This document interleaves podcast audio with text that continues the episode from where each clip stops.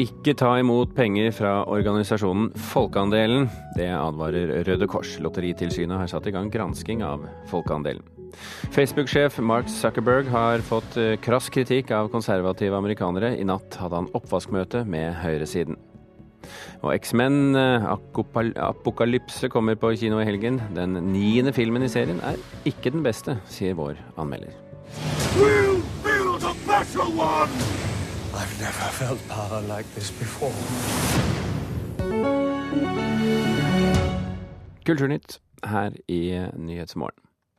Norske ideelle organisasjoner advarer nordmenn mot å ta imot penger fra Folkeandelen. Det er to utenlandske spillselskaper som står bak stiftelsen Folkeandelen, og de krever, folk, de krever, at folk registrerer seg hos dem før de kan ta imot penger til gode formål, eller for å få mer penger. Dette er kun et forsøk på å skaffe seg legitimitet fra kyniske spillselskap, sier Røde Kors, og Lotteritilsynet har satt i gang granskning. Hei, vi har fått nye drakter og penger av Folkehandelen. Og vi har brukt pengene på korpsutstyr. Trenger din forening penger? Vi vil gjerne ha deg med på laget. Sjekk folkeandelen.no. Dette er oppfordringen som Røde Kors overhodet ikke vil ta. For disse henvendelsene er jo gjort på en så tilforlatelig måte at man ikke umiddelbart nødvendigvis skjønner at dette eh, er penger fra kyniske utenlandske spillaktører som overhodet ikke driver en type ansvarlig spill. Sier kommunikasjons- og markedsdirektør i Røde Kors, Øystein Mjærum. De er nå bare en av flere organisasjoner som advarer på det sterkeste å ta imot penger fra folkeandelen. Det er jo rett og slett noen eh, småpenger fra milliardomsetningene til disse selskapene for å prøve å skaffe seg legitimitet i Norge. Folkeandelen får penger fra spillselskapene Playcherry og spillautomater.com. Og siden opprettelsen tidligere i år forteller Folkeandelen at de har gitt rundt 200 000 kroner til norsk frivillighet mot en registrering hos dem. Norgessjef for spillautomater.com, Kim Larsen, avviser at de driver med et kynisk spill. Vi er ikke en, en kynisk aktør. Vi, vi uh, tilbyr underholdning. Uh, vi tilbyr spill. Uh, og vi, vi, ønsker rett og slett å, å ha en mer åpen åpen dialog eh, for å, for å bidra mer til det norske samfunn. Dagens Næringsliv skrev i forrige uke at Lotteritilsynet nå vil granske spillselskapene som står bak folkeandelen. Monica Alisøy Kjelsnes er seniorrådgiver i Lotteritilsynet. Etter de opplysningene vi har her i dag, så eh, er, er framstår mye av formålet med folkeandelen å være å rekruttere spillere til spillautomater.com. Styreleder i Folkeandelen Bjørn Grene forteller at de allerede samarbeider med rundt 1200 foreninger i Norge. Han frykter ikke Lotteritilsynets gransking. Vi oppfordrer ingen til å omtale, prate om spilleautomater.com. Vi informerer om hvordan, eh, hvordan eh, foreningen eh, kan skaffe seg penger gjennom samarbeidet med en av de som donerer penger til stiftelsen. Reportere her det var Stine Tråholt og Eirik Tufteland Kroken.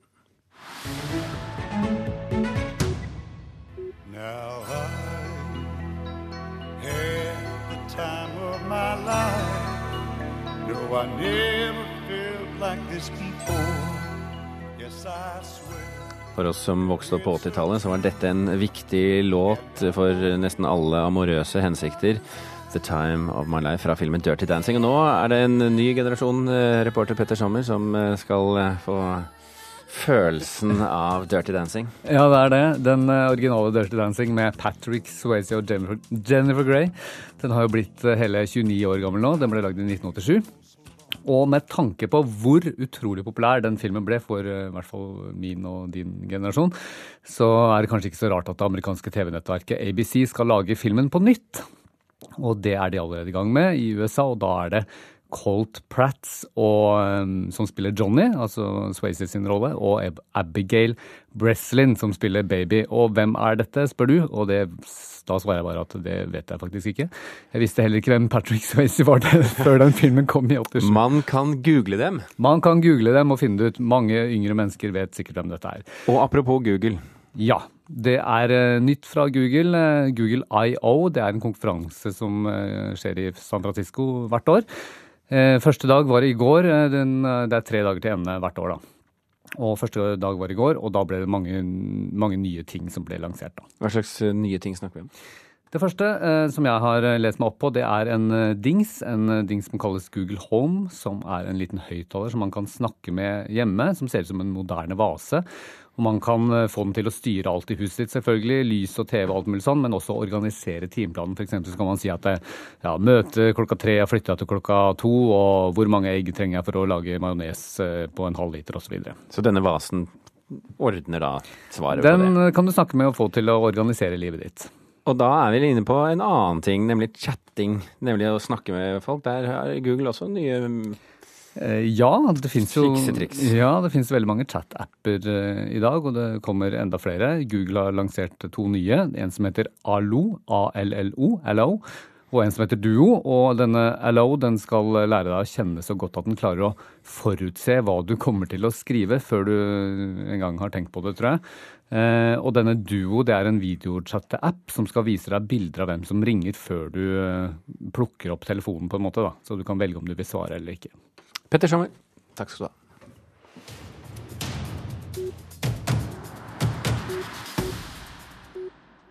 Det var Google. La oss eh, hoppe over til eh, Facebook, fordi Facebook-sjef Mark Zuckerberg tente i natt eh, norsk tid fredspipen da han møtte en rekke konservative topper i USA. Bakgrunnen er at Facebook er blitt anklaget for å manipulere sine såkalte trending topics, altså populære temaer, slik at de favoriserer liberale politiske temaer og nettsider fremfor mer konservative nyheter. Facebook hevdet opprinnelig at temaene fanges opp via avanserte dataalgoritmer, men så kom det en avsløring i The Guardian forrige uke som viste at nei da, det sitter jo faktisk ansatte og redigerer og plukker ut de, de mer høyresideaktige nyhetene. Torgeir Waterhouse, direktør internett og nye medier i EKT Norge, velkommen til Kulturnytt. Takk. Først av alt, hvordan gikk dette møtet med Zuckerberg og de konservative i går? Ja, Foreløpig så ser det ut som de som var på møtet, vet det. Det har vært lite nyheter fra det. Men det er jo grunn til å tro at det var ganske rolig og gemyttlig.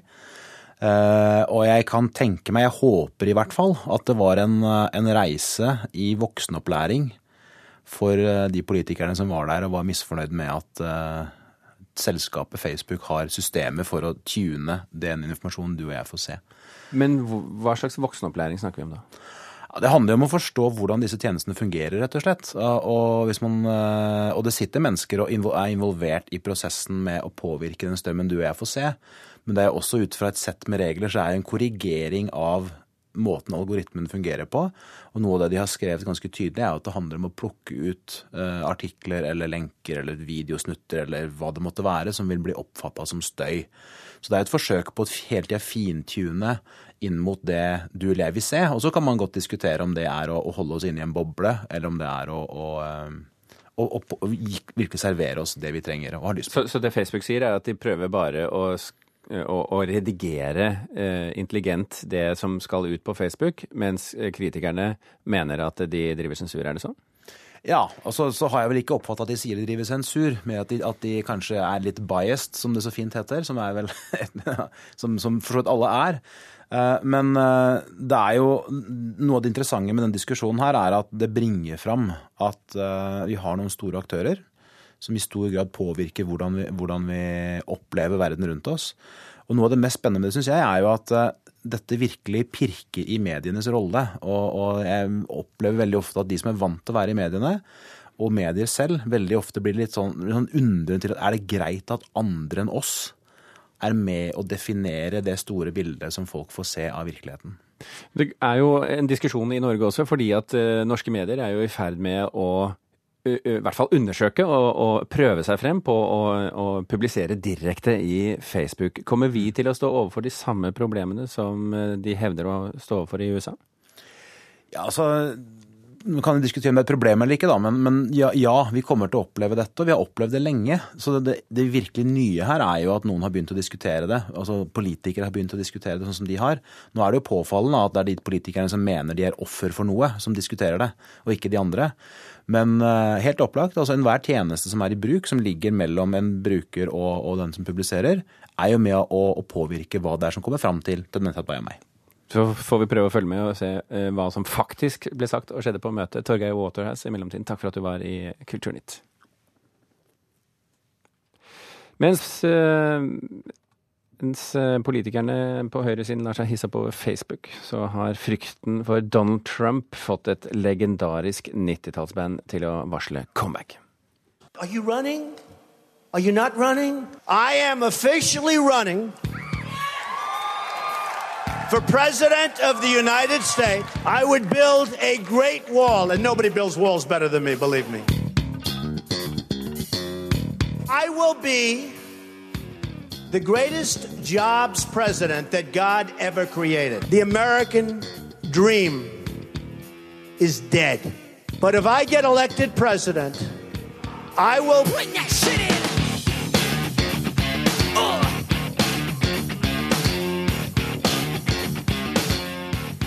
De som kan sin rockehistorie, de vet at dette her er Rage Against the Machine. Reporter Daniel Eriksen, eh, hva får deg til å tro at det er et eh, snarlig comeback i vente? Det er en eh, nettside som har blitt lansert. Det er en sånn ny måte å gjøre det på. det her, Lansere en nettside som ikke gir noen informasjon, som tikker ned mot et tidspunkt. Da får du folk til å vente skikkelig. Den tikker ned mot 1.6, og da kommer det fram at det er Rage Against the Machine som står bak den nettsida. Den heter Profits of Rage, og det viser seg også i morgentimen i dag at det er det det nye bandet skal hete. Eh, for dette er en supergruppe der de også tar med Public Enemy og Cypress Hill-medlemmer. Hvem er disse bandene? Kan du kort skissere? Uh, Public Enemy er et av uh, tidenes mest kritikerroste en, en, av tidenes mest kritikerroste hiphopgrupper. Uh, Rolling Stone er blant annet veldig glad i de og har de som, som jeg tror den høyest rangerte hiphop-gruppa eh, blant alle kunstnere som har eh, utøvd musikk. Og Cypress Hill er jo kanskje ikke fullt så kritikerrost, men veldig elska i hiphop-miljøet, de også. Men, men, er dette et forsøk, den, denne å, og linken til Trump, er det et forsøk på å gjøre seg selv spennende og interessante, eller er det faktisk politisk engasjement her, tror du? Altså, Vi sitter jo her i Oslo i Kulturnytt og prater om det, så det er jo ikke noe tvil om at alt med Donald Trump det er interessant uansett. Eh, men denne gruppen Rage Against Machine ligger langt, langt til venstre i politikken og er en karakter som jeg tror irriterer seg noe voldsomt over den eh, Donald Trump-bølgen som nå slår inn over USA. Vi har sett Beyoncé. Hun har sluppet et eh, veldig sterkt eh, politisk eh, preget album. D'Angelo har satt fokus på politivold i USA. Også det er en stor artist i USA fra den mer Altså fra den afroamerikanske siden av musikkulturen. Er dette noe lignende? Det er absolutt noe lignende. Og vil, denne D'Angelo-sammenligninga er veldig god. Eh, fordi at dette her går spesifikt mot et tema, og D'Angelo sa at han måtte, han måtte, slippe det albumet nå fordi at politivolden i USA har gått så langt som den har gjort. Og det er nok litt det samme med Rage Against the Machine og, og denne Tom Morello. Eh, som nå føler at tiden er moden for at Rage kommer tilbake og forteller hvordan ting ikke skal være. Takk skal du ha, Daniel Eriksen. Klokken er kvart over åtte, du hører på Kulturnytt, og inn i studio nå har vi fått kollega Arne Egil Tønseth. Eh, du skal fortelle oss mer om eh, forsvinningen av dette flyet fra Paris til Kairo. Hva vet vi nå? Ja, Vi eh, vet eh, Det siste som har kommet, er at eh, passasjerlistene ikke akkurat offisiell med navn, men vi vet at det var 30 egyptiske statsborgere om bord i dette flyet. Det var 15 franske, det var én brite, det var én belgier og ca. et titalls andre fra andre land, hovedsakelig i Midtøsten. Vi vet også at det hadde vært kontakt med flyet senest ti minutter før det forsvant fra radaren. Eh, det er selvfølgelig ikke bekrefta hva som har skjedd, men eh, mesteparten av de opplysninger som har kommet foreløpig, tyder jo på at dette er et eh, havari, og at det kanskje har eksplodert i lufta. Arne Egil Tønseth, takk for at du var innom og orienterte. Bare fortelle lytterne våre at vi kommer selvfølgelig til å dekke denne saken bredt utover på Alltid nyheter hele formiddagen i dag.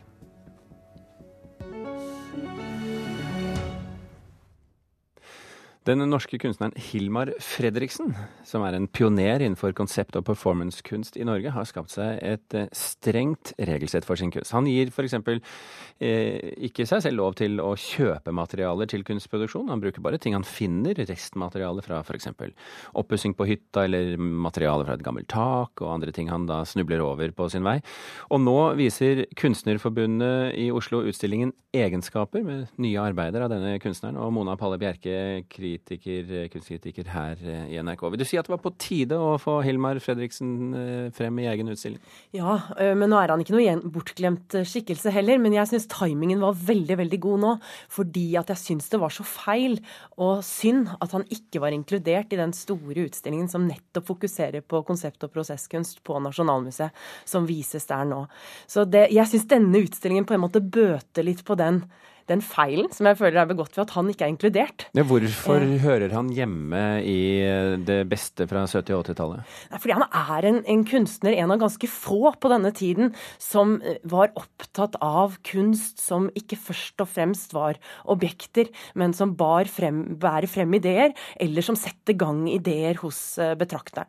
Nå er det jo ikke de mest uh, performative eller idébaserte verkene som vises på denne utstillingen, men også her så er det hva skal jeg si, nesten det man kan kalle refleksjoner i tre Eh, papp og metall. Fordi det vi ser i første etasje på Kunstnerforbundet, det er disse veggobjektene hans da, som er laget av restmateriale. Og her har han latt da tilfeldigheten rå veldig mye. Han forsøker å planlegge så lite som mulig. Så han eh, tar ting han på en måte snubler over, lager det, og så forsøker å liksom la prosessen lede ham selv. Da. Han skjærer kanskje av noe, borer noen hull, så bruker han disse elementene i neste eh, skulptur. Og veldig ofte lager han bokser.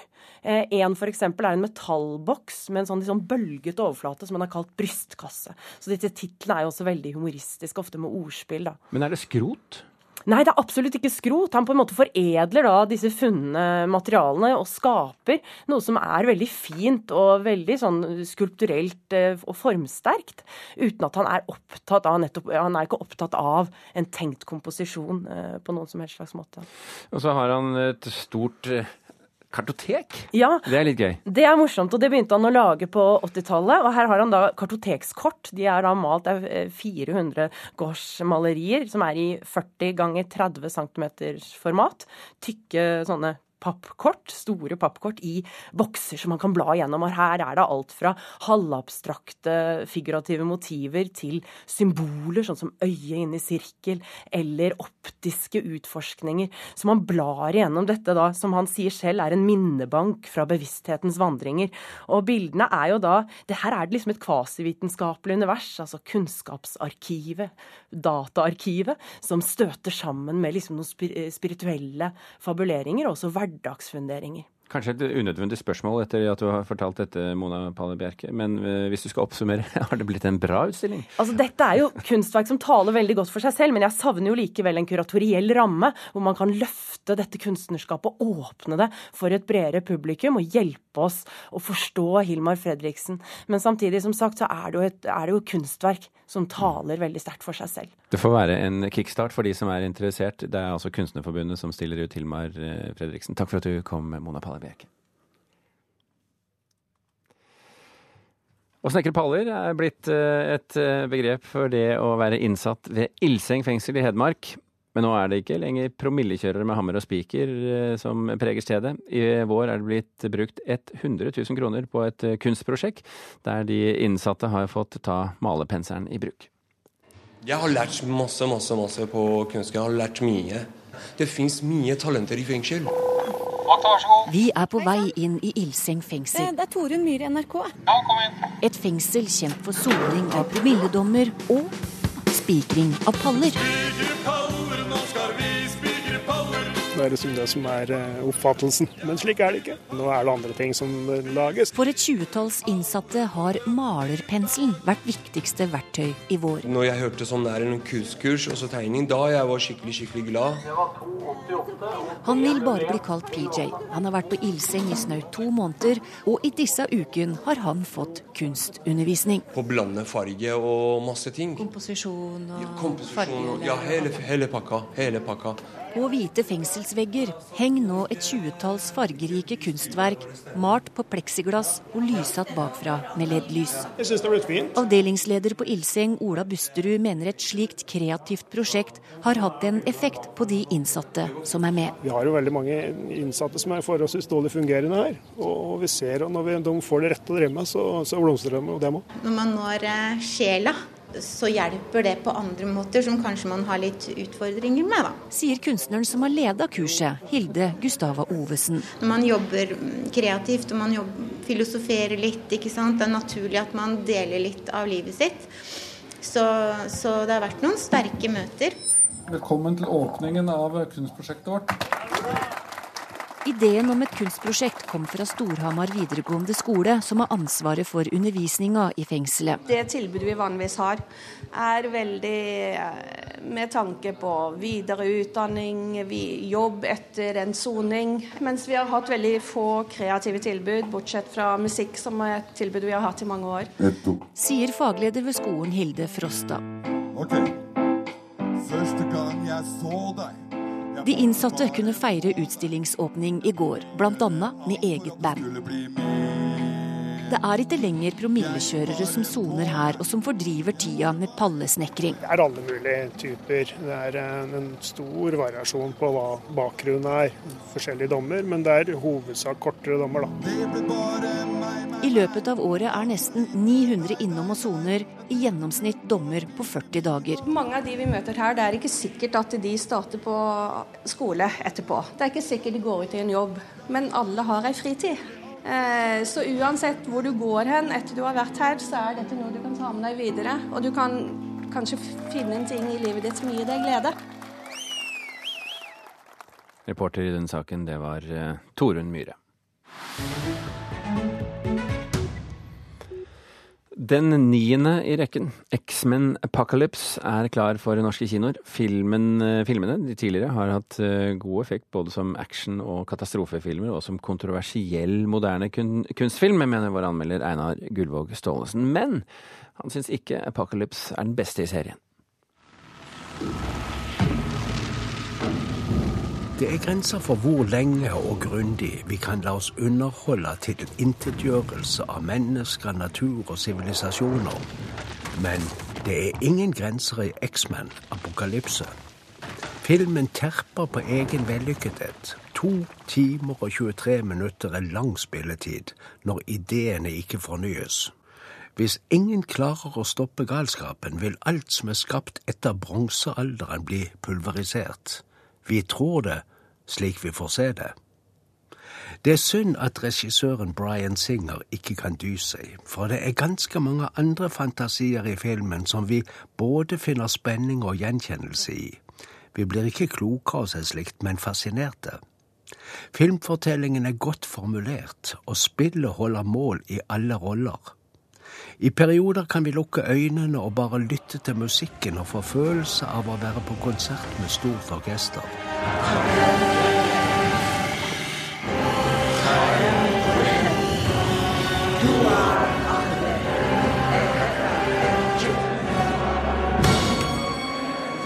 Kreftene som bryter ned og bygger opp, er laserkraft, magnetisme, noen ekstremutgaver av elektrisitet, magi, guddommelighet og djevelskap. Samfunnets store leder har levd i tusen levetider, riktignok ved hjelp av muteringer og omkodinger. Mutasjon er hovedideen i denne fantasien. Det er en meget ujevn fordeling av superkreftene. X-Men-serien begynte som tegneserie. Nå har den tatt fantasien noen galakser videre. Det er bare vignetten som minner om at det begynte på papir en gang. Dagens versjon omfatter hele verden og ganske mye til, og nesten alltid fra skapelsen til noen hundre år etter vår tid. I apokalypse begynner det 3600 år før Kristus. Oldtiden har aldri før vært så moderne. Egypterne har noen overdådig glansede pyramider med automatåpning i toppen. Den øverste seksjonen kan åpnes for solen eller stjernehimmelen når det passer seg. Hovedsaken er at disse geniale statsbyggene blir pulverisert til støvhauger av sterke krefter. Så beveger vi oss gjennom en tidstunnel i 30 sekunder og kommer ut til biltrafikk med en trabant i forgrunnen. Vi opplever Øst-Berlin før murens fall. Så ser vi romantikk og smelteverk i Polen. Og vi er tilbake til Egypt i nyere tid, og så hopper vi videre til mer og mindre identifiserte steder hvor hendelsene ligner hverandre ganske mye. Vi er i en skoleklasse akkurat den dagen en av elevene utvikler et laserblikk som brenner gjennom et hvilket som helst materiale. Vi er i en brytering med elektrisk gjerde rundt. Der blir tyngdekraften opphevet, og utøverne blir lysende eteriske. Filmen er så godt skapt at den ikke burde vært kjedelig, men den er dessverre det i ganske lange perioder.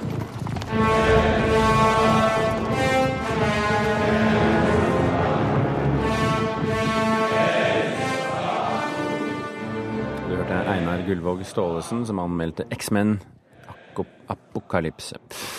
I morgen i Mørkets opplevelser anmelder han også den engelske filmen Our Kind of Traitor, som er den andre premierefilmen denne uken.